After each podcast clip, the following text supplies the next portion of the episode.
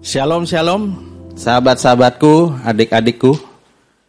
Ada kasih karunia, amin. Hari ini kita memasuki yang bagian yang terakhir dari Light Up the Nations. Ya, terang bagi bangsa-bangsa. Ini bukan seperti seri drama Korea, tapi saya percaya ini terus membangun kehidupan kita semua. Karena saya percaya firman Tuhan itu menopang segala yang ada. Dunia ini semuanya termasuk kehidupan kita ditopang oleh firmannya. Hari ini kita mau melihat bagaimana terang bagi bangsa-bangsa itu memancar dari kehidupan kita. Tapi apa yang dipancarkan? Terang itu adalah kehidupan. Terang itu kehidupan. Coba katakan kanan kirinya, terang itu kehidupan. Karena tanpa terang, saya percaya tidak akan ada kehidupan. Tapi terang itu kehidupan apa? Bukan kehidupan saya secara pribadi, kehidupan ego saya, kehebatan saya memancar. Wah, saya jadi pemimpin, saya paling hebat. Tapi kehidupan Kristus yang memancar melalui kehidupan saya dan sahabat-sahabat semua di tempat ini. Amin. Saya percaya Kristus ada dan hari ini kalau sahabat-sahabat semua, adik-adik semua ada di tempat ini karena Kristus sudah ada dalam kehidupanmu. Sehingga bagian kita, bagian engkau adalah memancarkan kehidupan itu. Sampai kehidupan itu nyata. Sampai kehidupan Kristus itu nyata melalui kehidupanmu. Orang melihat kehidupanmu adalah kehidupan Kristus. Kita akan mengulangi apa yang sudah kita dapat sebelumnya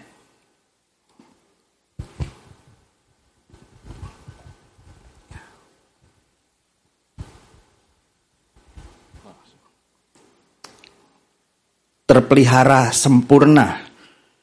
Bagaimana kita melihat di Amsal 4 ayat 20 dikatakan, Hai anakku, perhatikanlah perkataanku, arahkanlah telingaku kepada ucapanku, perhatikanlah perkataanku, perhatikanlah setiap rema, setiap firman.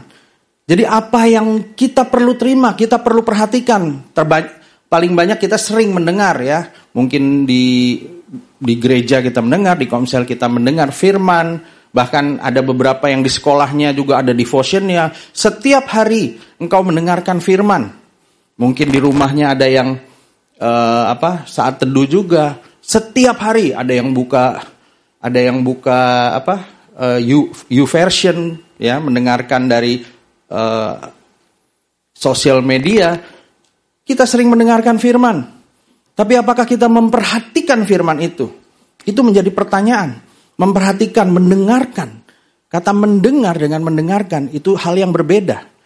Mendengar kita hanya mungkin aja masuk kuping kiri, keluar kuping kiri. Artinya nggak ada yang masuk. Hanya mendengar saja. Tapi waktu mendengarkan kita menyimak. Kita memperhatikan memperhatikan sungguh-sungguh, mencari, mendapatkan rema itu secara personal. Karena firman itu perlu kita dapatkan secara personal. Firman itu bukan hanya sebagai satu motivasi saja. Terkadang kita membawanya sebagai satu motivasi. Supaya kita kuat, supaya kita nggak takut. Itu bagus. Tapi kalau kita tidak membawanya secara personal dalam hidup saya dan melihat bahwa firman itu nyata dalam hidup saya, itu hanya seperti kata-kata motivasi saja. Itu kata-kata yang membuat kamu semangat sebentar. Sehingga itu hanya di luar saja. Oh ya ya, oh benar. Dia bilang jangan khawatir dengan apa pun juga. Firmannya iya aku nggak khawatir, tapi besok khawatir lagi. Kenapa? Karena kamu hanya membawa firman itu untuk menguatkan pikiranmu saja. Bukan membawanya secara personal. Aku melihat Bapa menyediakan dan memelihara hidupku. Sehingga di dalam perjalanannya aku tidak lagi khawatir. Bukan karena sebentar. Bahkan terkadang kata-kata motivasi itu bisa saja membuat engkau kecewa. Mana buktinya? Banyak orang-orang anak-anak Tuhan kecewa oleh karena firman. Aneh sekali. Kenapa? Karena hanya membawanya. Coba dikatakan di firman Tuhan bilang katanya kalau engkau seperti pohon yang ditanam di aliran air yang menghasilkan buahnya pada musimnya, Tidak pernah layu daunnya apa saja yang diperbuatnya berhasil. Wah, diambil kata-kata berhasil itu. Aku pasti berhasil, aku pasti berhasil, aku pasti berhasil. Tapi dia tidak melihat hidupnya seperti pohon yang ditanam, dirawat, dipelihara oleh Bapak. Sehingga waktu dia gagal, mana firman itu? Mana nggak kejadian? Mana buktinya nilai-nilainya jelek? Katanya Bapak e, memberikan hikmat, memelihara. Ya, mana pekerjaan saya kok banyak diprotes? Kok mana gaji saya kalau yang kerja nggak naik-naik? Kok usaha saya nggak maju-maju? Karena kita hanya melihat firman itu sebagai sesuatu yang memotivasi saja dari luar. Tadi tapi tidak membawanya seperti perkataan Bapak kepada anaknya. Engkau adalah tanaman, aku ini tanaman. Yang dipelihara Bapak, aku tidak perlu khawatir. Aku tidak perlu takut. Itulah bagaimana kita mengejar rema. Hari ini apa yang kau kejar? Sahabat-sahabatku, adik-adikku, Apakah engkau mengejar untuk mendapatkan rema itu secara personal dalam kehidupanmu? Jangan-jangan banyak kita hanya mengejar kata-kata yang gampang, yang enak. Kalau dapat hal-hal, wah iya ya. Paling sering tuh kalau kita dapat apa? Perjamuan, wah di foto. Yang di foto biasanya ya bersyukurnya di roti perjamuan itu apa? Uh, biskuit ya biskuit. Roti perjamuan itu tertulis hosti ya, hosti. Hosti itu tertulisnya ayatnya yang bagus-bagus. Coba kalau teguran, waduh nggak ada yang difoto. Ya, yang bagus-bagus engkau menjadi kepala dan bukan amin, amin, amin gitu. Tapi kalau yang nanti teguran ya ada beberapa yang ditegur melalui firman itu nggak difoto. Kenapa? Karena ya jangan-jangan salah ketuker. Tadi mestinya saya ambil yang itu. Jadi akhirnya mempersoalkan hal-hal seperti itu. Tapi kejarlah firman sebagai rema. Lihatlah hidupmu. Makanya janganlah semua itu, ayat 21, janganlah semuanya itu menjauh dari matamu. Mata itu adalah sesuatu untuk melihat, tapi kebanyakan kita melihat yang lahiriah. Mata itu untuk membawa, mata itu sesungguhnya mata hati. Bagaimana kita mengimajinasikan firman itu? Beda imajinasi dengan hayalan. Ya, beda imajinasi dengan fantasi. Kalau hayalan itu sesuatu yang ya kita enak-enakin aja. Jadi ada beberapa pertanyaan Kak, mengimajinasikan dengan menghayal beda nggak ya? Beda jauh. Beda jauh banget gitu. Kita diberikan kemampuan untuk mengimajinasikan oleh Bapa. Sangat luar biasa. Karena imajinasi itu membuat kita bisa melihat di dalam pikiran kita sesuatu yang tidak terlihat, sesuatu yang dimaui baik oleh Bapa maupun oleh dunia sebenarnya oleh ego. Tapi bagaimana kita mengarahkan imajinasi ini? Dikatakan di sini janganlah semuanya itu menjauh dari matamu. Perkataan Kristus itu jangan menjauh dari imajinasi kita hari ini apa yang kita pikirkan, apa yang kita imajinasikan, imajinasinya ah udahlah nasib gua begini, emang begini, nasibnya ya udah ikutin arah aja. Kalau yang sekolah ya memang nilainya jelek-jelek, ya udahlah nasib emang bodoh. Apalagi orang tuanya sering ngomong begini, aduh dulu kecil ya, ah, dulu ya waktu saya hamil kamu tuh saya makan apa ya, sampai kamu kayak begini gitu. Ada juga yang orang tua, ya karena saya orang tua ya, jadi nggak apa-apa ya, sesama orang tua boleh saling mengganggu. Hmm. Seringkali kayak gitu. Mungkin saya juga kalau kalau saya sih enggak ya karena saya enggak hamil ya. iya dong. Saya hamil hamil waktu hamil makan apa enggak? Ya kan? Ya, mungkin bisa aja istri saya ya kan? Ya, mungkin berpikir seperti itu karena anaknya susah banget disuruh belajar, anaknya susah nurut dulu makan apa ya? Jangan-jangan makan kepiting. Ya, atau makan apa gitu. Kan suka meributkan hal-hal yang nggak penting makan apa gitu. Padahal semuanya itu tidak mempengaruhi itu ya. Karena semuanya itu katanya apa yang dimasukkan itu semuanya keluarnya ke jamban katanya. Tapi apa yang masukkan ke pikiranmu itulah yang mengeluarkan hid dari hidupmu, dari perbendaraan hatimu yang paling dalam itu yang keluar. Jadi bukannya makan apanya yang penting. Hari ini apa yang kau pikirkan dalam hidupmu? Apa yang kau imajinasikan di dalam hati dan pikiranmu? Sehingga engkau bisa melihat dan menyimpannya. Bahwa Bapa itu adalah Bapa yang berkemurahan di dalam kehidupanmu. Karena itulah yang menjadi kehidupan. Inilah kehidupan yang sesungguhnya. Inilah bagian yang membuat kita itu bersemangat. Membuat kita itu merasa hidup kita itu punya tujuan. Karena kehidupan itu berkaitan selalu dengan tujuan. Ya. Di dalam kehidupan manusia, orang kalau nggak punya tujuan, ya di dalamnya tidak ada kehidupan. Teman-teman percaya? Pernah ada salah satu, ya, ada dulu pada zaman dulu katanya uh, bangsa ada orang Yahudi itu kan di dimasukkan ke camp uh, apa namanya Jerman. Ya, apa yang dilakukan tentara Jerman itu cuma menyuruh mereka tiap hari ambil batu itu, pindahkan ke sana. Oke, dia pindahin, dia pindahin. Udah pindahin semua. Be beberapa hari kemudian suruh lagi, pindahkan lagi ke sana. Pindahkan lagi, pindahkan lagi. Dan terjadi terus sampai berbulan-bulan cuma begitu aja. Dan berapa banyak orang akhirnya mati. Karena melihat hidupnya itu nggak punya tujuan. Ngapain cuma dari sini ke sana, sana ke sana. Nggak tahu apa yang mesti, apa sih maksudnya? Kalau sahabat-sahabat hidup dengan seperti itu, apa maksudnya? Tujuannya? Di situlah sahabat-sahabat sudah kehilangan kehidupan. Karena Bapa menciptakan manusia pertama kali itu dengan imajinasi tujuan. Sebelum menciptakan manusia, Bapa itu menciptakan tujuannya dulu. Baiklah kita menjadikan manusia menurut gambar dan rupa kita supaya mereka berkuasa. Itu sudah jadi belum manusianya? Sudah jadi belum? Ada yang geleng-geleng, ada yang gini-gini, ada nggak apa-apa. Itu belum. Karena baru diciptakan itu setelah itu. Artinya Bapak nih mengimajinasikan engkau, mengimajinasikan hidupmu untuk berkuasa, menjadi serupa dengan gambarnya. Itulah imajinasi Bapak yang sangat luar biasa. Sehingga hari ini juga waktu kita kembali diberikan lagi kehidupan di dalam Kristus. Engkau diciptakan menjadi ciptaan yang baru. Ya, diciptakan di dalam Kristus Yesus, Efesus 2 ayat 10 untuk melakukan apa yang Bapak mau, bukan lagi apa yang saya mau. Jadi kehidupan itu nyata. Saya punya tujuan hari ini. Di dalam Tuhan saya percaya setiap sahabat-sahabat semua diberikan tujuan.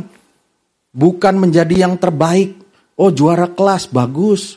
Oh menjadi juara nasional. Menjadi uh, yang terbaik, karyawan terbaik. ya Apalagi mahasiswa terbaik, siswa teladan apalagi yang banyak aja semuanya yang hebat-hebat itu ditaruhkan tapi semuanya itu akan sirna. Hari ini kalau saya tanya sahabat-sahabat ya juara All England tahun 1954 nggak ada yang ingat.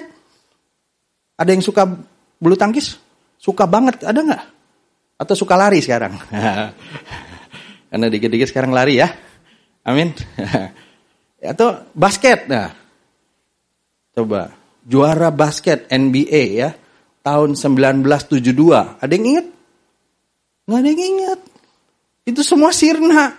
Sahabat-sahabat menjadi juara, menjadi kehebatan di tahun ini. Apa yang diingat? Nggak ada. Tapi Bapak selalu ingat waktu engkau berkata dan engkau lahir. Bapak tuh ingat. Karena dia yang menaruhkan itu. Aku yang menenun engkau dalam kandungan ibumu, bapak. Ya, Daud bilang, engkaulah yang menenun aku dalam kandungan ibuku. Bapak itu memperhatikan hidupmu sampai sejauh itu. Di situlah kehidupan bagi mereka mendapatkannya. Bahkan kesembuhan. Jadi kesembuhan itu bukan cuma badan. Tapi semuanya, keseluruhan, pikiran. Sehingga di dalam kehidupan kita, ada kehidupan. Kehidupan inilah yang kita pancarkan. Karena itu penting buat kita untuk menjaga hati kita. Jagalah hatimu. Bukan hati bukan hati ini ya, hati ampela gitu ya. Kan biasa kalau makan ayam goreng itu pesennya hati ampela gitu ya. Nah, enggak, bukan itu. Jagalah hatimu, jagalah pikiranmu, jagalah imajinasimu dengan segala kewaspadaan. Karena dari situlah terpancar kehidupan. Kehidupan yang sebenarnya sudah ada di dalam hidupmu.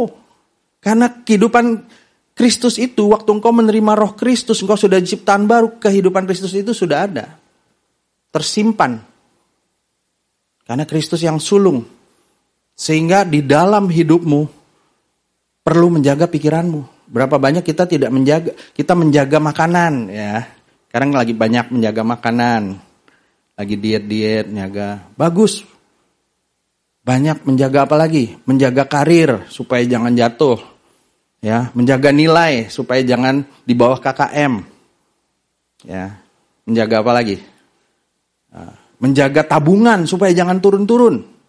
Ya banyak tuh yang menjaga tabungan supaya jangan turun-turun. Sampai saya bingung juga, ada orang nabung, tapi kalau pakai tabungannya dia stres. Saya bingung, saya nanya, kamu nabung buat apa? Buat nanti kalau ada perlu. Sekarang ada perlu nggak? Ada kak, tapi sayang kak. Gimana sih? Saya bingung. Kamu nabung buat apa? Ya kalau kalau ada perlu penting. Hari ini penting nggak untuk beresin rumah kamu? Iya kak, tapi sayang kak kalau saya. Lah, jadi tujuannya apa kamu nabung? Hanya untuk melihat enak aja. Angka itu tidak akan menyenangkan hidupmu dan dengan melihat angka itu tiba-tiba rumahmu jadi baik. Tiba-tiba kondisimu itu jadi baik. Tiba-tiba mobilmu jadi benar.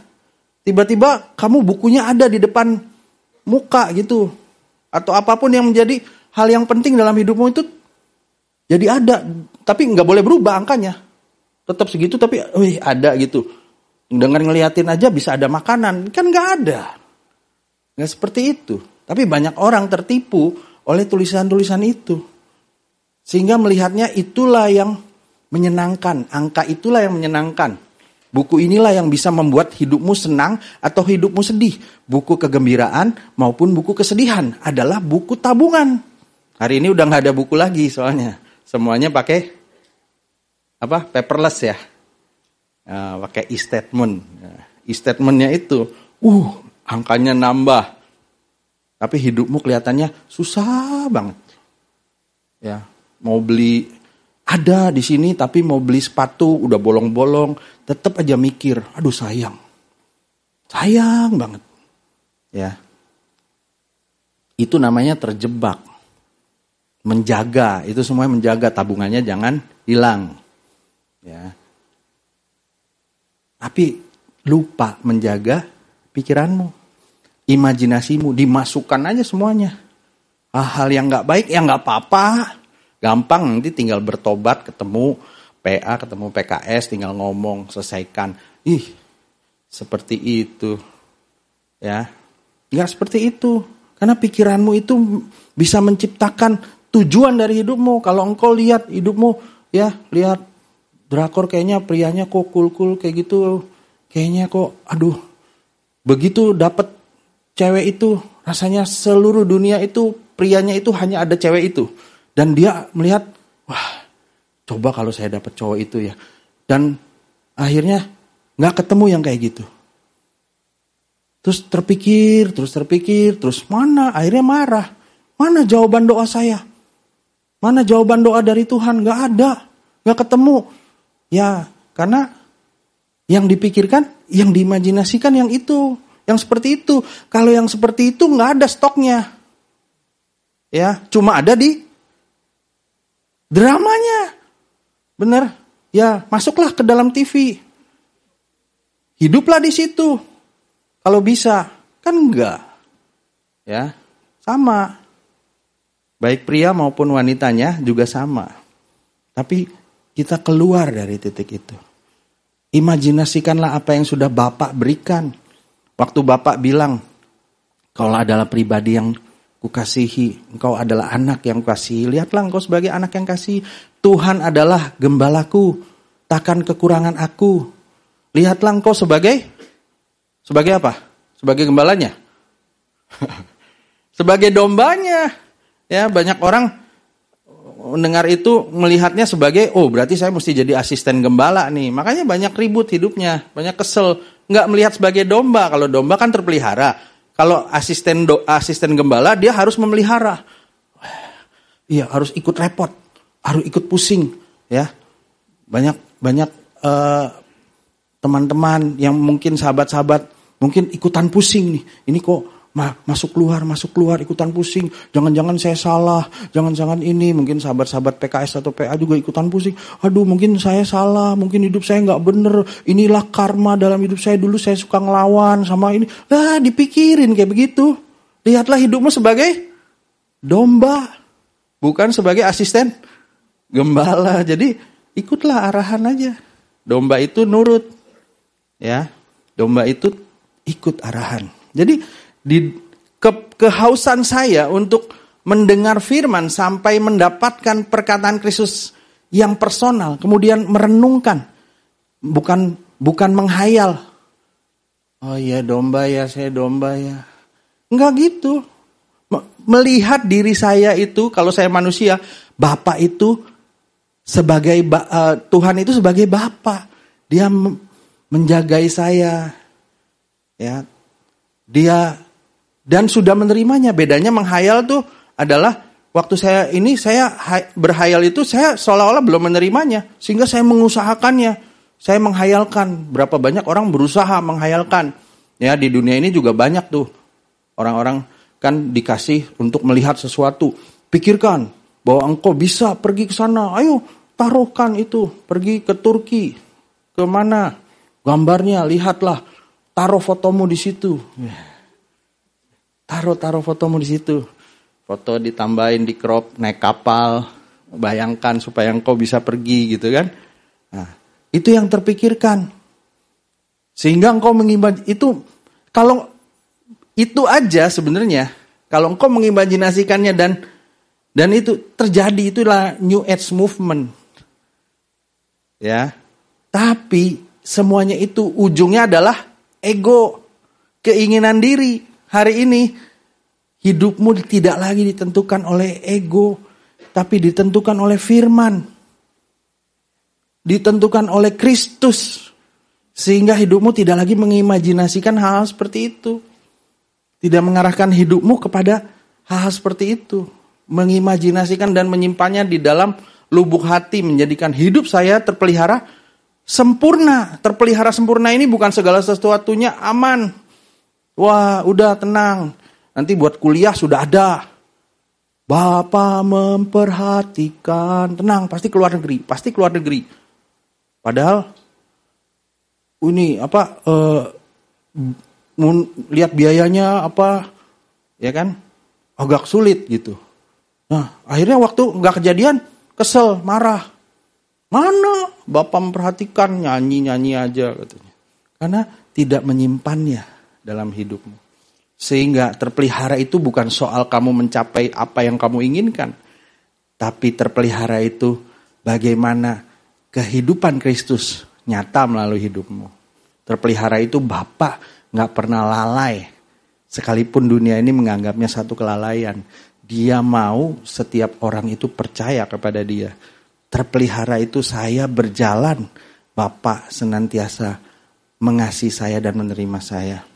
Sekalipun saya gagal, sekalipun saya jatuh, bukan alasan bagi saya untuk tidak memulainya kembali.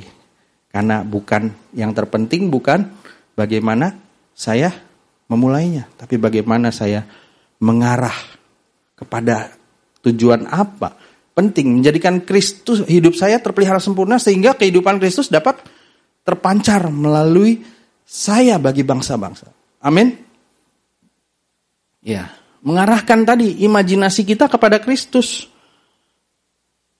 Karena dikatakan di sini dalam Roma 8 ayat 29 sebab semua orang yang dipilihnya dari semula mereka juga ditentukannya dari semula untuk menjadi serupa, katakan serupa. Katakan kanan kirinya saya serupa Kristus loh. Saya ditentukan serupa Kristus. Ya, serupa serupa Kristus ini bukan jenggotnya sama, jubahnya sama, ya. Terus bule-bulenya sama. Emang bule-bule enggak sih sebenarnya. Ya. Orang Yesus tuh orang Isra, uh, Yahudi itu orang Asia sebenarnya, mirip-mirip ya. Jadi mirip-mirip lah sama kalian juga mungkin yang ganteng-ganteng di sini ya. Enggak, belum tentu juga Yesus ganteng. Karena iya belum tentu secara lahir ya. Tapi kehidupannya memancar terang sehingga kelihatannya ganteng. Ya, sahabat-sahabat sini semua jangan merasa goyah kalau ada orang bilang lu kok hidungnya kayak gitu sih. Masuknya apa mancung banget tapi ke dalam. Jangan goyah ada Kristus memancar. Begitu smile sedikit rasanya tuh tenang lihat hidupmu. Ada damai sejahtera terpancar. Ada shalom. Ya makanya hidup anak-anak di dalam Tuhan tuh biasanya murah senyum. Amin bukan senyum-senyum sendiri ya. Bahaya kalau senyum-senyum sendiri. Murah senyum. Ya karena ada sukacita yang mengalir di dalam dirinya. Jadi enggak Shalom. Ya. Apalagi ya orang juga mau salamin takut. Iya iya salam udah. Mau diajakin kenalan ya. Ya. Buat abang-abang, none-none di sini ya, ada yang diajakin kenalan gitu ya. Saya lihatnya ke kiri dulu nih, banyak di sini. ya kan? Langsung. Enggak. Kehidupan itu terpancar. Ya, senyum sedikit aja langsung kayaknya teduh. Amin. Nah, di situ. Karena engkau menjadi serupa dengan Kristus membawa damai sejahtera. Imajinasikanlah hidupmu seperti itu. Bawalah hidupmu seperti itu. Karena engkau ditentukan serupa dengan gambaran anaknya. Supaya ia anaknya menjadi yang sulung di antara banyak saudara. Saudaranya siapa? Ya kita semua di tempat ini. Dia menjadi yang sulung. Kalau mesin namanya dia tuh yang prototype. Tapi prototype yang unggul, yang sudah pas, yang sudah lulus uji, yang paling utama dia bilang. Benar? Karena di di sini dibilang dikatakan di Kejadian 2 ayat 7. Ketika itulah Tuhan membentuk Yetzer. Di situ dikatakan membentuk itu termasuk di dalamnya juga memberi tujuan. Kita sudah belajar di sebelumnya, pembelajaran sebelumnya, Yetzer itu adalah kerangka yang membentuk tujuan hidupmu sudah dibentuk, sudah diciptakan. Ingat, imajinasi. Tadi saya cerita, Tuhan itu melihat. Jadi udah bukan cuma kelihatan 3D-nya. Sahabat-sahabat waktu dia waktu Bapak menceritakan ciptakan tuh udah ngelihat 3D-nya nih. Wah, ini begini. Enggak, di sini sudah sempurna dia melihat. Sahabat-sahabat itu diciptakan dan diberi tujuan, tapi ternyata jatuh. Tapi Bapak tidak pernah gagal. Dia tidak pernah menyesali kasih karunia dan panggilannya. Rencana Bapak tidak pernah gagal. Dia menyelesaikannya di dalam Kristus. Makanya Kristus menjadi yang sulung. Ini loh contohnya. Ini loh yang perlu menjadi teladan, lihatlah. Makanya dikatakan kamu kalau kamu percaya sama Kristus di 1 Yohanes 26, kamu harus hidup sama seperti Kristus pernah hidup. Kenapa? Karena itu contohnya, ikutilah saja, lihatlah dia dengan mata yang tertuju kepada Kristus, lihatlah dia. Itulah kehidupan. Contohlah dia. Dan apa yang menjadi tujuan Kristus menjadi tujuanmu. Jadi hari ini mengarahkan kehidupanmu kembali kepada tujuan yang Bapak maksudkan. Tujuannya tadi bukan menjadi siswa teladan. Mungkin kita diberi tujuan-tujuan kecil oleh orang tua atau apa. Kamu harus kaya ya. Kalau nggak kaya, nggak ada yang perhatiin kamu. Kamu harus banyak uang ya. Kalau nggak ada, kalau nggak ada uang, kamu nggak dihormati. Ya, Pokoknya kamu mesti berprestasi, jangan bikin malu orang tua. Kamu yang berprestasi kok orang tua yang malu. Ya. Kan aneh sekali, mestinya kamu yang malu ya kalau nggak berprestasi. Tapi di dalam Tuhan juga nggak ada rasa malu. Karena kamu sudah diterima dan dikasihi. Amin. Jadi di situlah Tuhan membentuk manusia itu dan menghembuskan ruah kehidupan. Ruah itu roh, kehidupan. jadilah manusia. Dan di situlah kita melihat bagaimana imajinasi kita ternyata mencipta. Apa yang kamu pikirkan itu terjadi. Makanya ya Ayub bilang di, di tulisan Ayub, ya apa yang kamu khawatirkan, apa yang kamu takutkan, itulah yang menimpamu. Amsal 23 ayat 7. Dem, uh, kalau orang berpikir for man think, so is he. As man think, so is So is he. Susah amat. Bahasa Inggris sedikit dong. Ini suka kelibet nih. Demikianlah ia. Kalau manusia itu berpikir seperti itu ya demikianlah kamu. Kalau engkau berpikir engkau nggak mampu, engkau nggak bisa, engkau rendah, engkau kecil, engkau ya, engkau rendah. Demikianlah itu, demikianlah seperti itu. Makanya Paulus bilang sama Timotius, janganlah seorang pun juga menganggap engkau rendah karena engkau muda. Ah, aku masih muda. Tapi lah jadi teladan luar biasa. Kata-kata itu sangat menguatkan. Bukan hanya kehidupan anak-anak muda. Termasuk saya yang masih muda. Saya ini baru separuh. Umurnya Kaleb. Saya baru sepertiga. Umurnya Musa. Jadi jangan khawatir. Masih sangat muda. Amin. Iya. Jadi lihatlah. Di dalam kehidupanmu ternyata kita lihat lagi di Kolose 1 ayat 15. Iya, Kristus adalah gambaran Allah, gambar Allah yang tidak kelihatan. Dia yang sulung lebih utama dari segala yang diciptakan. Dia yang bukan dia yang paling utama dan kalian bawahannya bukan. Artinya dia itu yang diciptakan nih sebagai contoh unggul. Lihatlah dia dan kamu bisa seperti dia. Engkau bisa seperti dia. Bahkan Yesus bilang, pekerjaan-pekerjaan engkau bisa melakukan pekerjaan-pekerjaan jauh melebihi apa yang aku lakukan. Itulah Bapak. Hati Bapak tuh kayak gitu. Nggak ada saingan. Makanya hati Kristus tuh seperti itu. Nggak ada saingan. Kamu nggak akan bisa ya. Saya maunya yang paling hebat. Di dalam kehidupan dunia ini semua maunya yang paling paling hebat. Ada yang mau paling jelek? Di sini ada nggak? Kak ada kak, saya maunya paling jelek. ada. Nggak ada. Semua maunya paling hebat. Itu dunia. Tapi Bapak mau sahabat-sahabat ini menjadi orang yang bahkan lebih dari pemenang. Amin. Itu bukan cuma pemenang. Kalau pemenang aja biasa. Lebih dari pemenang. Dia yang menjadikanmu lebih dari pemenang.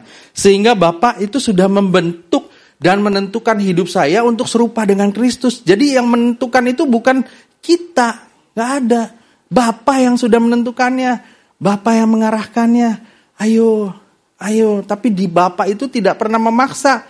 Dia butuh respon dari kita untuk haus, mengejar, untuk mendapatkan itu. Untuk hidup berjalan di di dalam apa yang Bapak inginkan. Jadi saya hanya perlu terus apa? melihat kehidupan Kristus itu nyata dalam hidup saya dan sudah ada, bukan diusahakan.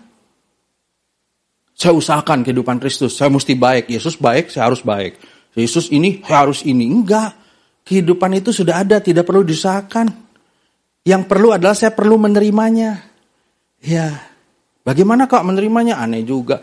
Ya, terimalah bahwa engkau pribadi yang dikasihi. Sehingga engkau melihat waktu mengasihi orang lain bukan karena engkau melakukan perbuatan itu baik. Tapi karena engkau sudah menerima kasih itu, berbeda sekali. Sehingga saya nggak menuntut orang lain dan merasa pantas untuk saya menerima kasih kembali dari orang-orang yang sudah saya perbuat baik.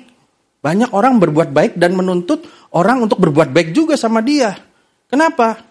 Karena itu seperti sesuatu hal yang pantas. Ya, bahasanya apa? Cengli ya. Cenglinya kan begitu, gitu. Ada kita kan banyak cari ya di dalam pekerjaan dalam apa dalam mungkin ini ya kalau adik-adik nggak tahu cengli ya bukan ngeceng di kali ya bukan cengli itu pantas gitu ya apa sudah layak dan sepantasnya mustinya ya kalau saya nolongin orang saya perlu terima kebaikan balik kalau dia nggak ngucapin terima kasih saya rasanya kesel misalnya. Hm, ini orang. Nah, seperti itu. Tapi saya memandangnya berbeda. Ya, kenapa? Karena saya sudah dikasihi. Saya nggak bukan pantas lagi saya menerimanya. Saya sudah lebih dari pantas menerima kasih Bapa. Bukan lagi pantas karena engkau melakukannya buat saya. Amin. Ya kita lihat hari ini bagaimana Paulus menyatakan buat jemaat di Galatia kita tarik pembelajaran bagaimana memancarkan kehidupan Kristus nyata. Hari ini di Galatia 4 ayat 3 sampai 9 dan juga ayat ke-19. Demikian pula kita selama kita belum akil balik. Kita takluk juga kepada roh-roh dunia. Tetapi setelah genap waktunya maka Allah mengutus anaknya yang lahir dari seorang perempuan dan takluk kepada hukum Taurat ia diutus untuk menebus mereka yang takluk kepada hukum Taurat supaya kita diterima menjadi anak. Dan karena kamu adalah anak. Amin. Siapa? Siapa anak? Saya. Coba katakan saya ini anak. Ngomong sama sebelah kanan kiri, saya anak ya. Amin. Karena kamu adalah anak, maka Allah telah menyuruh roh anaknya ke dalam hati kita untuk berseru ya Abah ya Bapa. Jadi yang mau manggil, yang ingin kita memanggil Bapak itu bukan kita. Dan kita mantas-mantasin diri kita untuk kita diangkat sebagai anak. Enggak, Bapak yang berinisiatif. Lihat, kalau Bapak yang berinisiatif artinya itu datang atas kendaknya Bapak. Bapak yang ingin, kepingin banget hidup sahabat-sahabat itu menjadi anak-anaknya. Tentunya bukan seperti anak-anak. Jadi anak-anak yang dewasa nanti kita lihat ya. Jadi kamu bukan lagi apa? hamba melainkan anak.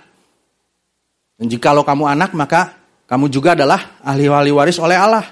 Dahulu ketika kamu tidak mengenal Allah, kamu memperhambakan diri kepada Allah-Allah yang pada hakikatnya bukan Allah.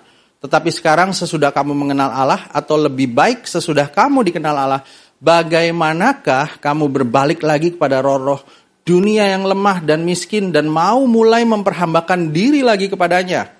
Ayat 19, Hai anak-anakku, karena kamu aku menderita sakit bersalin lagi sampai rupa Kristus menjadi nyata di dalam kamu. Paulus di sini katakan dia mengasihi jemaat di Galatia.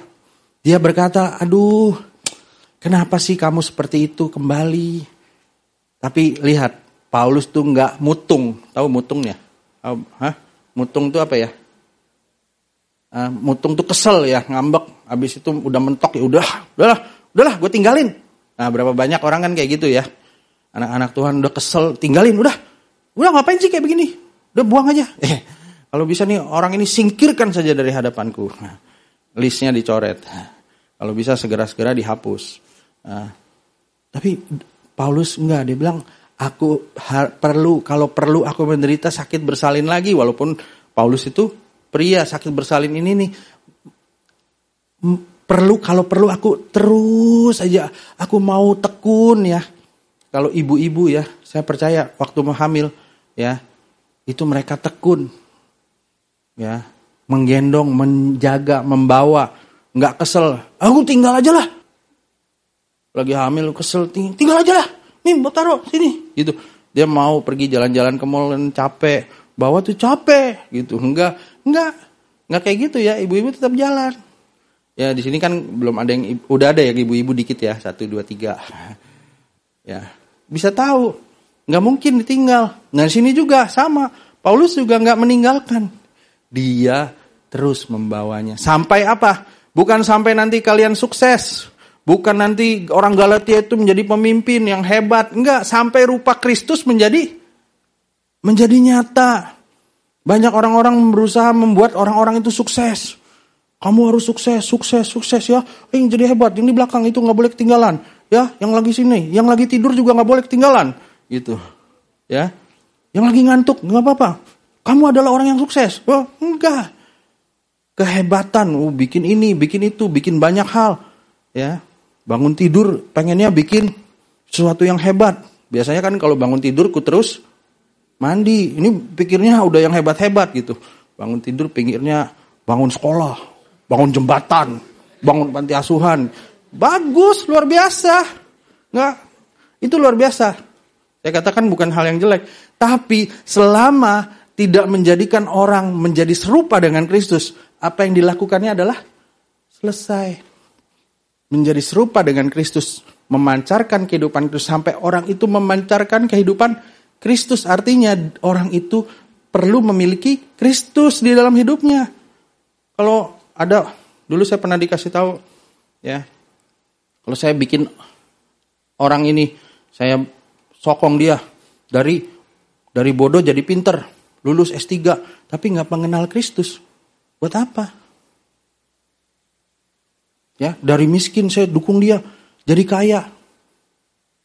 Tapi kalau dia tidak mengenal Kristus, sia-sia. Karena dunia ini sedang lenyap dengan segala keinginannya. Tapi orang yang mengasihi Tuhan akan hidup selama-lamanya. Amin. Ya kita bawa orang ini kepada Kristus. Sekalipun dia banyak kegagalan.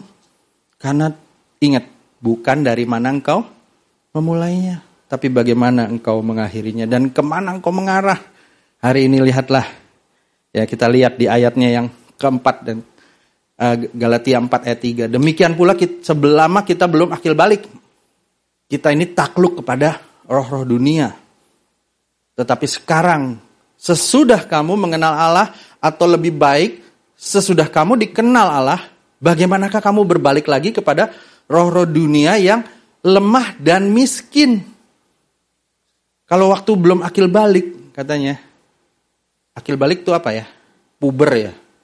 Ya, belum puber itu engkau masih takluk, kita takluk juga. Tapi dilihat di ayatnya, tetapi sekarang kau kamu sudah mengenal Allah. Artinya waktu saya sudah mengenal Allah, saya sudah menerima Kristus. Kamu sudah akil balik belum? Sudah akil balik belum? Kamu sudah menerima roh Kristus. Yang anak-anak, waktu kamu terima Kristus, Aku menerima Kristus hari ini, saya percaya sahabat-sahabat sudah menerima Kristus. Kalau sudah menerima Kristus, menerima Kristus, saya menerima Kristus sebagai Tuhan dan Juru Selamat dalam hidup saya. Artinya menerima roh Kristus yang dewasa, apa yang masih bayi? Yang sudah dewasa, artinya sudah akil balik. Dan kehidupan sahabat-sahabat sekalipun masih muda, mungkin ada yang umur 12 tahun, 13 tahun, selama sahabat-sahabat sudah menerima Kristus, sahabat-sahabat itu adalah ciptaan yang baru tidak dilihat lagi dari umur, tapi dari bagaimana saya menerima Kristus. Di situlah saya belajar bisa melihat hidup saya ini dewasa secara roh. Tapi kenapa waktu saya masih belum, ya nggak apa-apa. Yang di sini masih anak-anak. Kalau saya saya masih anak-anak kak, ya nggak apa-apa. Masih masih kayak, tapi jangan seperti anak-anak, ya seperti bayi. Nggak apa-apa. Karena engkau sudah menerima roh yang dewasa di dalam Tuhan. Makanya kalau kita lihat ya, di situ roh dunia yang lemah dan miskin. Apa itu? Stoikeon. Sto, stoi? Coba ngomong stoikeon. Uh, jangan kepleset ya. Uh, stoikeon. Ya, stoikeon. Itu artinya apa? Elemen dasar. Sesuatu yang elementary. Sesuatu yang sangat mendasar Kenapa kamu balik lagi ke hal-hal yang nggak penting, ributin hal-hal yang nggak penting? Ya lihat di sini, saya rela nih meninggalkan sikap anak-anak. Banyak sekarang remaja-remaja, oh, R&D kan termasuk di dalamnya remaja gitu ya, remaja dan dewasa. Oh enggak ya R&D, enggak enggak kayak gitu. Nanti saya diparahin. ya gitu, termasuk remaja, remaja Ser, sen, uh, sereng apa seneng nggak kalau dipanggil? Kadang anak saya kalau dipanggil eh eh kecil lucu ya. Yuk yuk kita main lagi yuk. Main itu. Yang kalau di mall mumu itu yang uh, uh, udah nggak mau. Nggak wah ngapa udah gede. Wah lihat. Bener ya anak-anak yang remaja-remaja gitu suruh main lagi yang yang diisi koin itu yang ceban muter udah nggak mau nggak tahu sekarang udah naik kali ya nggak usah dimasalahin. hmm. Jadi itu itu aja nggak mau. Tapi banyak banyak kita anak-anak Tuhan, bahkan yang udah dewasa, maunya kayak anak-anak. Sikap tingkah lakunya, pikirannya kayak anak-anak. Mempermasalahkan hal-hal yang nggak penting. Mempermasalahkan hal yang yang nggak penting. Relalah meninggalkan sikap anak-anak. Kok tadi saya masih anak-anak, nggak apa-apa. Rela untuk didewasakan, rela untuk dibangun. Kalau sahabat-sahabat masih melihat sikap-sikap seperti itu nggak apa-apa. Bukan berarti artinya saya salah ya kak, bukan. Sahabat-sahabat rela aja untuk didewasakan. Ada prosesnya. Saya percaya sahabat-sahabat di youth, di R&D ini di dalam proses untuk terus didewasakan di dalam kebenaran, di dalam pengenalan yang benar. Kalau sahabat-sahabat tahu ya hal-hal ini jarang terjadi kebanyakan kebanyakan orang-orang itu melakukannya ya eh, dulu ya saya waktu masih memegang youth ya konser bikin ini bikin itu yang rame-rame. Tapi nggak ada pengenalan di situ. Yang penting mangan orang mangan asal kumpul. Oh, kalau bisa ngumpulin seribu orang rasanya happy. Uh bangga. Inilah anak-anakmu Tuhan Woy, rasanya tuh dunia itu ini. Ya sampai impian saya tuh dulu mau bikin konser di bukan bukan saya yang nyanyi loh ya maksudnya ngadain konser di wah tenis indoor gitu ya gitu. itu sampai kayak begitu kepikiran mimpi-mimpi gitu ngajak anak-anak muda saking cintanya sama anak-anak muda tapi nggak ada pengenalan. Hari ini sahabat-sahabat dibawa di dalam pengenalan yang benar dan mendalam. Sahabat-sahabat bersyukur. Ditaruhkan hal-hal. Ini bukan sesuatu yang berat. Ini sesuatu yang sangat mendasar dan sangat penuh dengan sukacita, penuh kasih karunia. Jadi waktu sahabat-sahabat dibawa, ya aku mau loh, kak, aku makin, aku mau nih, diajak nobar ya semangat, ya Diajak hey party kemarin lebih semangat.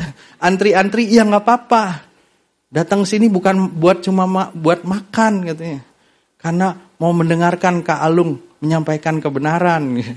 Ya kema ya gitu supaya ketemu sahabat-sahabat saling menguatkan. Amin. Mengajak sahabat-sahabat yang baru. Kalau perlu ada hey party part 2 ya. Ya. Panitia langsung Ada kasih karunia, amin. Ya, walaupun satenya enak. Satenya enak kok bener. Saya cobain satu. Karena ini uh, nanti nggak kebagian kalau saya makan banyak.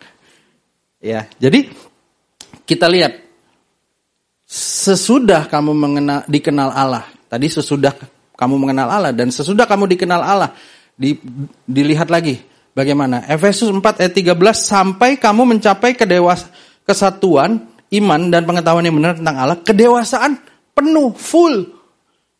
Kedewasaan itu sampai penuh, sampai sampai ya full. Bukan cuma ah sekedar dewasa.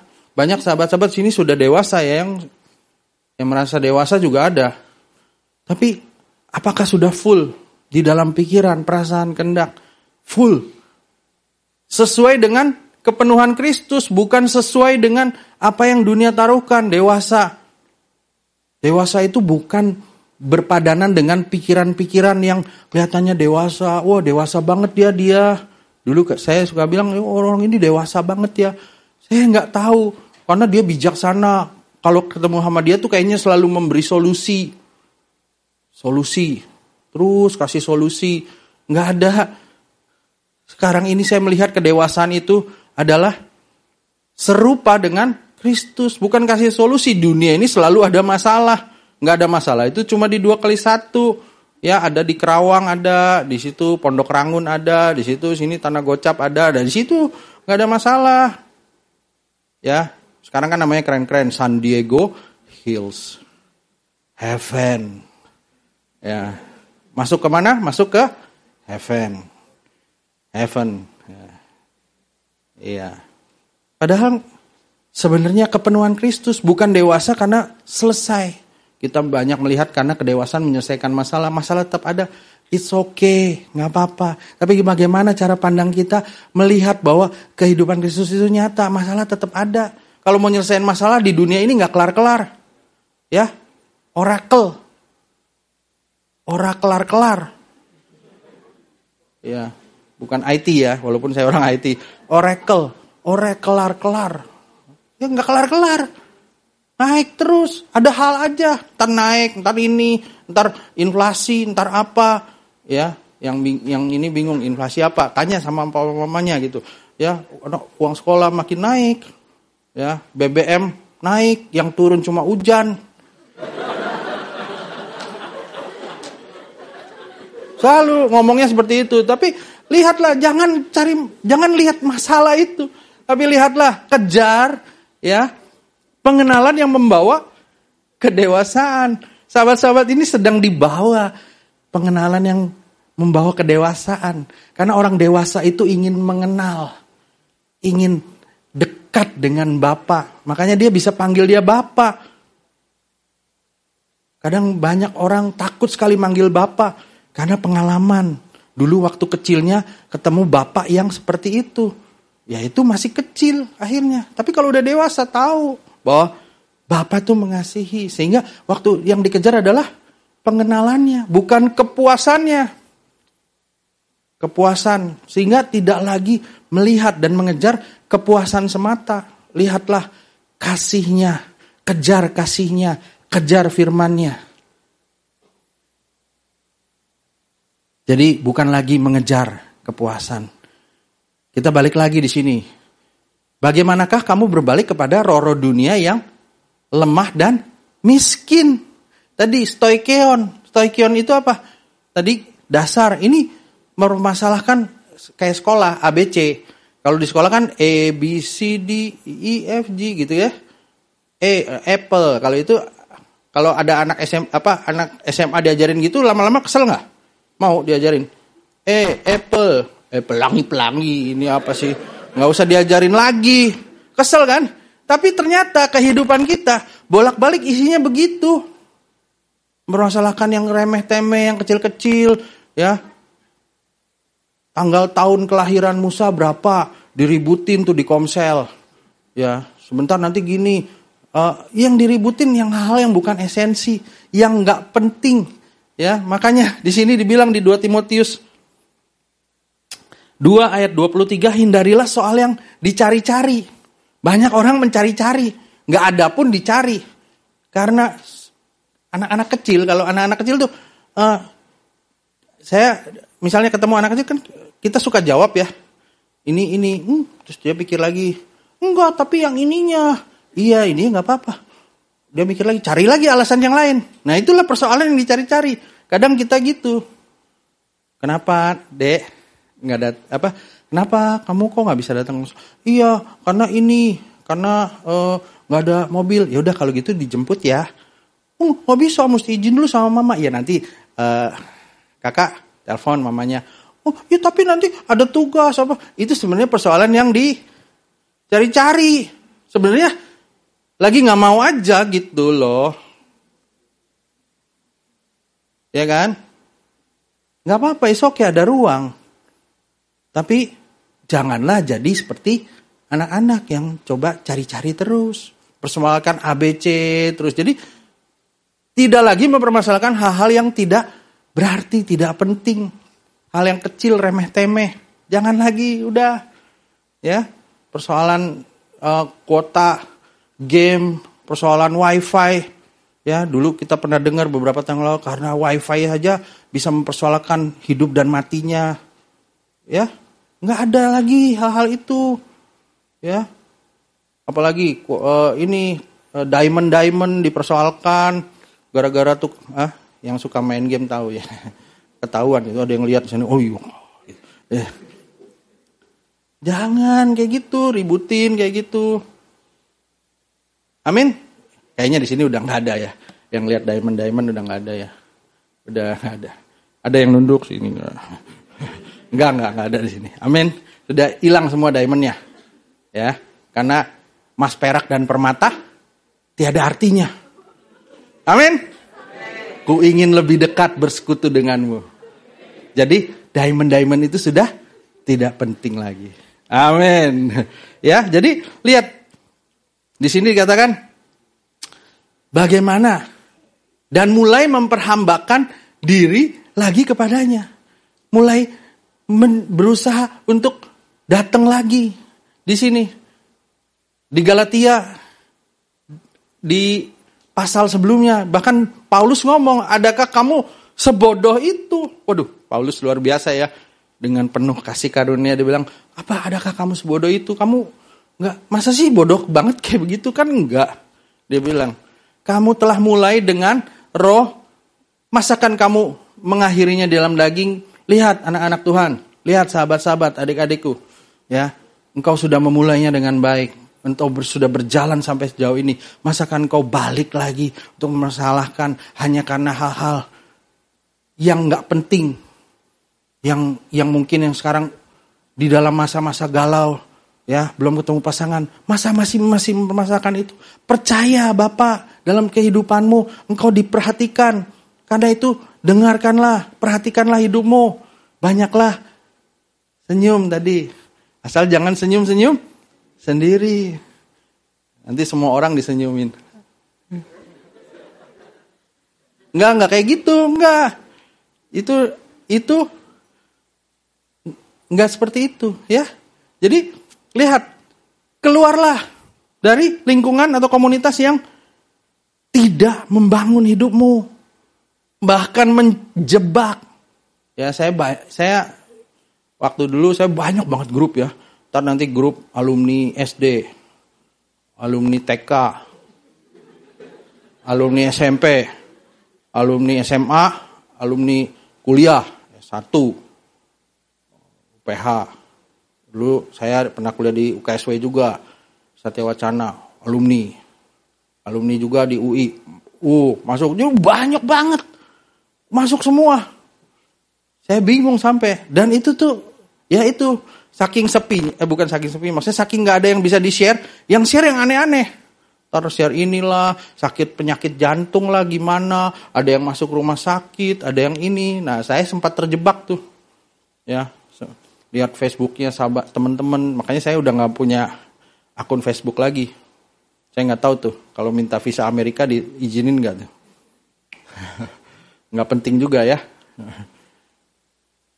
Karena kenapa? Karena saya melihat di situ terjebak wih gara-gara itu. Oh sakit jantung tuh begini ya. Malam-malam saya pernah saya pernah ceritakan saya wih tiba-tiba jantung saya eh bukan jantung saya sih. Rasanya tuh sakit. Saya pikir ini sakit jantung. Masuk rumah sakit. Dan ternyata sampai di sana dokternya bilang jantungnya nggak apa-apa nih pak, e, mungkin sakit mah kali. Waduh, padahal saya nggak pernah punya sakit mah, ya kan? Mau dikasih, malah saya pikirnya jantung malah dikasih obatnya obat muntah, diinfus dan saya habis 1,6 juta. Aduh, dasar Facebook merugikan saya 61,6 juta, ya. Masuk Facebooknya nggak bayar, Ternyata akibat dari Facebook itu saya bayar. 1,6 juta pusing tuh waktu itu. Ya. Sampai tanya, ini jadi mau diterusin gak nih Pak di Opnam? Ya enggak lah. Makin nanya lagi, pulang. Eh pulang. Akhirnya sebentar. Nah, sore udah baik. Kenapa? Karena itu tadi terjebak. Makanya keluarlah dari komunitas-komunitas yang menjebak sehingga perbuatan dagingan dan memperhamba lihat memperhamba pikiranmu memperhamba imajinasimu sehingga nggak masuk di situ lihat banyak ketakutan hari ini ya disebarkan ntar nanti ini ntar nanti itu tiap hari aja ada banyak berita yang menakutkan karena bad news is a good news buat orang-orang ya ada orang-orang komunikasi di sini ngomongnya kayak gitu katanya makanya banyak bad news Buat kita, ya, God's words is good news. Amin. Firman Tuhan itu berita baik. Dan saya ini adalah berita baik. Kau dipanggil untuk mewartakan kabar baik. Kalau banyak bad news, kamu datang. Aku punya good news. Ya, sebarkan good news itu. Amin. Ya, jangan disimpan sendiri, ya. Yang Selanjutnya, sahabat-sahabat, kita lihat Galatia 4 ayat 6. Dan karena kamu adalah anak, maka kamu maka Allah telah menyuruh roh anaknya untuk ke dalam hati kita yang berseru, ya Aba ya Bapak. Anak di sini bukan anak kecil bayi, enggak. Uyos ini adalah anak yang dewasa. Makanya di dalam Tuhan, ya Tuhan tuh mengaruniakan karena kamu adalah anak, kamu adalah orang yang anak-anak yang sekalipun nih tubuhnya kecil imut-imut gitu ya.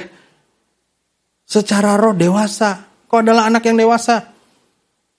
Makanya roh Kristus ditaruhkan dalam hidupmu sehingga engkau bisa bilang, ya Aba, ya Bapak. Kenalilah Bapak. Datanglah kepada Bapak, sadarilah engkau adalah ahli waris. Sehingga engkau perlu bertindak dan berespon seperti anak ahli waris. Jangan seperti hamba, dikit-dikit. Tuhan, gemetar, takut. Aku berdosa. Wah, gebrak-gebrak ini. Ya, dulu saya kayak gitu soalnya ya. Kadang gitu nyanyi sambil, sambil sedih banget. Kayaknya takut gitu kalau Tuhan menghukum bangsa ini ya. Enggak saya percaya. Hari ini saya percaya. Bapak tuh sayang banget sama saya dan bangsa ini. Ya. Jadi saya nggak perlu takut lagi. Justru saya mewartakan kabar baik. Bertindak dan berespon sebagai anak dewasa bukan anak-anak lagi bukan lagi mempermasalahkan hal yang remeh-temeh, ya, bertindak seperti anak dewasa. Nah, kita lihat lagi, ya. Di sini katakan di Efesus 4 ayat 14, sehingga kita bukan lagi anak-anak. Anak-anak tuh nepios. Ya, tadi uios. Nah, agak ini belajar dikit ya. Makanya pengenalan membawa kedewasaan. Amin. Nah, ini nepios, bukan lagi anak-anak, bukan bayi. Nepios tuh bayi yang diombang-ambingkan. Makanya kalau anak-anak kan mau ini, mau lihat lucu, mau ambil. Tapi ditawarin lagi yang lain, mau nggak? Mau ambil. Kan kayak gitu anak-anak. Ting tung ting tung ting tung ambil. Tergantung aja. Tapi sahabat-sahabat udah bukan kayak gitu lagi. Sahabat-sahabat adalah anak-anak yang dewasa di dalam Tuhan sehingga kau teguh berpegang dan tidak goyah tidak rapuh untuk menyatakan kebenaran sebagai orang yang dikasihi. Engkau lihat hidupmu dikasihi, teguh di dalam kasih itu. Engkau tidak lagi melihat hidupmu ditopang oleh pujian, tapi oleh firman. Banyak orang merasa hidupnya ditopang oleh pujian. Bagus, hebat. Itu masih anak-anak. It's okay, nggak apa-apa. Tapi waktu udah dewasa, lihatlah hidupmu ditopang oleh firman. Bukan lagi oleh pujian. Bukan lagi oleh pencapaian, bukan lagi oleh kekayaan, bukan lagi oleh apa yang bisa kau lahirkan, dapatkan di dunia ini. Tapi oleh firman sehingga nggak nggak goyah. Ya, kalau pencapaianmu hilang, ya, goyah. Ya, kemarin pandemi perusahaannya tutup, wah goyah. Gajinya dipotong, goyah gitu. Apalagi kalau yang kalau yang sekolah nggak goyah karena online ya, seneng. Waktu pindah ke oh, apa? Ke offline goyah gitu. Karena nggak bisa lihat buku lagi. Waktu di sini nggak ada ya. Dia tempat lain gitu. Waktu ujian kan enak gitu. Bisa lihat gitu ya. Sekarang offline goyah. Ya. Nah, dengar berita ini goyah. Dengar berita itu goyah. Sekarang nggak lagi. Kenapa? Karena teguh untuk lihat hidupmu dikasihi berani menyatakan kebenaran, speaking the truth in love. Ya. Lihatlah. Di sini dikatakan engkau bertumbuh ke mana? Di dalam segala hal ke arah dia, Kristus yang adalah kepala. Jadi semuanya itu tertujunya yang menjadi utama adalah Kristus tadi. Dia yang utama. Dia yang menjadi teladan, mata kita tertuju. Selama ini mata kita tertujunya ke siapa? Makanya jalannya miring-miring. Mau mau Kristus mau, tapi lihatnya kayaknya itu bagus deh. Jadi jalannya miring-miring.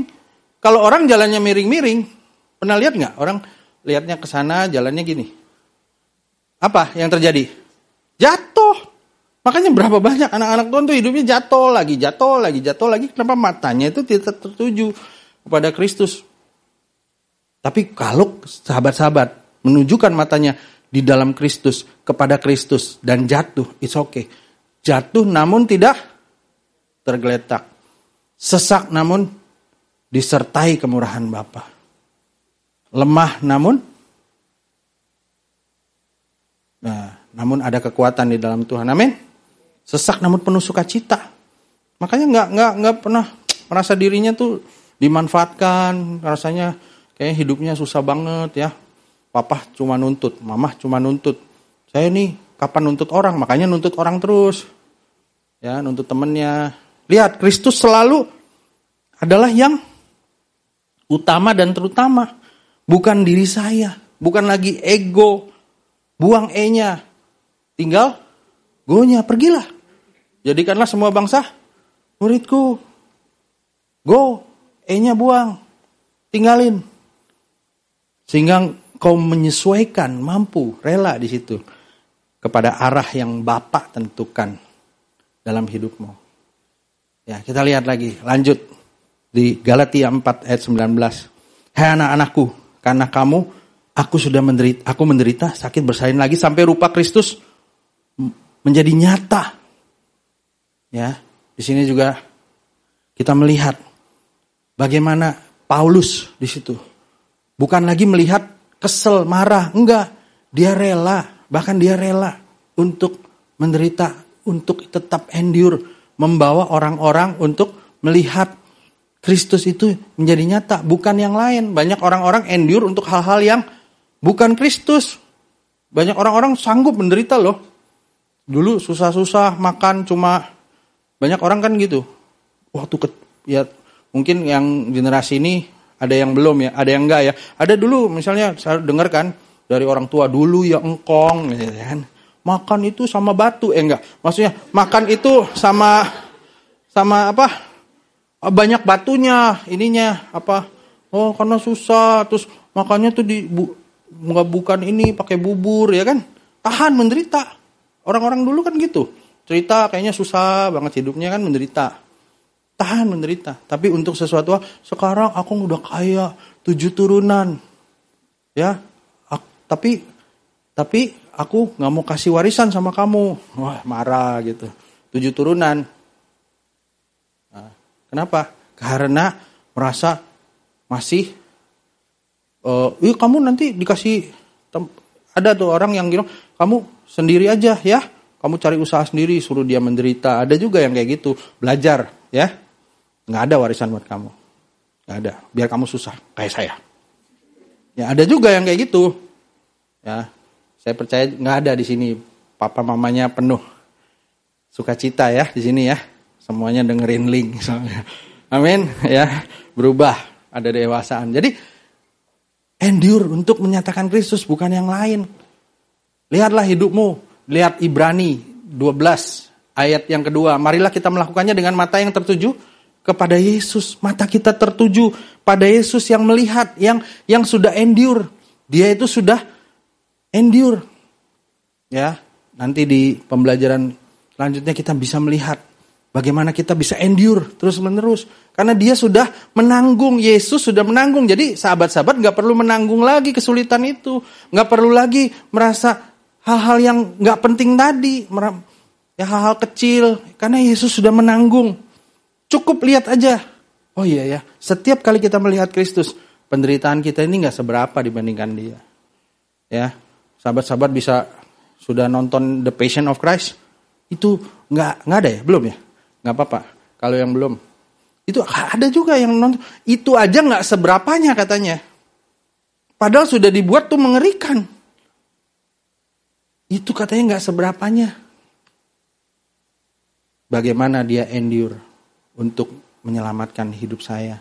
Membuat satu perkataan yang saya suka dari Yesus. Dia katakan, sudah selesai. It is finished. Artinya, bagian saya sudah dia tanggung. Kesedihan saya sudah dia tanggung. Penderitaan saya sudah dia tanggung. Nggak ada lagi pikiran-pikiran yang ah saya itu paling menderita, korban. menderita sedunia. Ya, nggak ada lagi hal-hal seperti itu. Sehingga engkau bisa melihat, ya. Di sini dikatakan bahwa Kristus dengan mengabaikan kehinaan, tekun memikul salib, ganti sukacita yang disediakan. Dia tekun sekalipun dikatakan di sini mengabaikan kehinaan itu adalah memandang rendah rasa malu. Dia nggak penting lagi, despising, the shame, ya mengabaikan itu. Tidak ada lagi kita memandang rendah setiap rasa malu sehingga kehidupanmu tidak lagi dipenuhi oleh rasa malu. Malu. Ini sini malu ah. Eh sharing ya, malu ah. Di nomor uh, siapa yang mau sharing sini? Siapa yang mau ini? Oh, malu ah. Enggak, Yesus sudah menanggung rasa malu. Anggap rendah rasa malu itu tidak ada rasa malu. Kamu nggak pernah dipermalukan. Kamu dikasihi. Amin. Kalau engkau disuruh sharing bukan mau dipermalukan. Tapi mau dibangun. Katakan dibangun. Ya, kanan kiri bilang saya tuh mau dibangun. Iya. Amin. Jadi lihatlah, bukan menjadi malu, tapi memandang rendah rasa malu melihat setiap cercaan. Hinaan itu tidak ada artinya, nggak penting lagi karena semuanya itu sudah digantikan oleh kebenaran dan kasih dari Bapa. Lihatlah hidupmu seperti itu. Dan yang terakhir, lihatlah Ingat selalu akan dia yang tekun menanggung. Ingat. Ingatlah Kristus. Ingat selalu. Jadi kalau engkau sudah mulai mengasihani diri, mulai sedih, merasa paling kasihan sedunia, kok nggak ada yang perhatiin hidupmu, kok orang tua juga nggak pikirin, mulai ingatlah Kristus. Dia menanggung segala kesedihanmu. Ingatlah, lihatlah bahwa Kristus sudah endure untuk setiap penderitaanmu. Yang kamu pikir kamu paling menderita. Engkau tidak seperti itu. Hari ini aku menengguhkan hidupmu, sahabat-sahabat, adik-adikku. Ya, lihat. Di dalam Tuhan, Efesus 1 ayat 18, Paulus berkata, dan dia berdoa buat orang-orang. Dan supaya ia menjadikan mata hatimu terang agar kamu mengerti pengharapan apa yang terkandung di dalam panggilannya betapa kayanya kemuliaan bagian yang ditentukan bagi orang-orang kudus. Dan betapa hebat kuasanya bagi kita orang yang percaya sesuai dengan kekuatan kuasanya. Hari ini lihatlah, lihat, imajinasikan bahwa apa yang ditaruhkan dunia ini tidak sebanding. Paulus bilang bahwa penderitaan ringan yang aku alami ini mengerjakan bagiku kemuliaan. Penderitaan ini nggak sebanding Roma 8 ayat 18 Katakan, sebab aku yakin bahwa penderitaan zaman sekarang ini tidak dapat dibandingkan dengan kemuliaan. Lihatlah kemuliaan. Bahkan di dunia ini, saya percaya, karena firman Tuhan bilang, tuh orang yang meninggalkan segala sesuatunya buat Kristus, dia akan mengembalikan seratus kali lipat. Tapi bukan bukan soal lahiriah, tapi kehidupanmu ada dalam perlindungannya. Hari ini engkau akan melihat light up the nation. Ya. Light up the nation.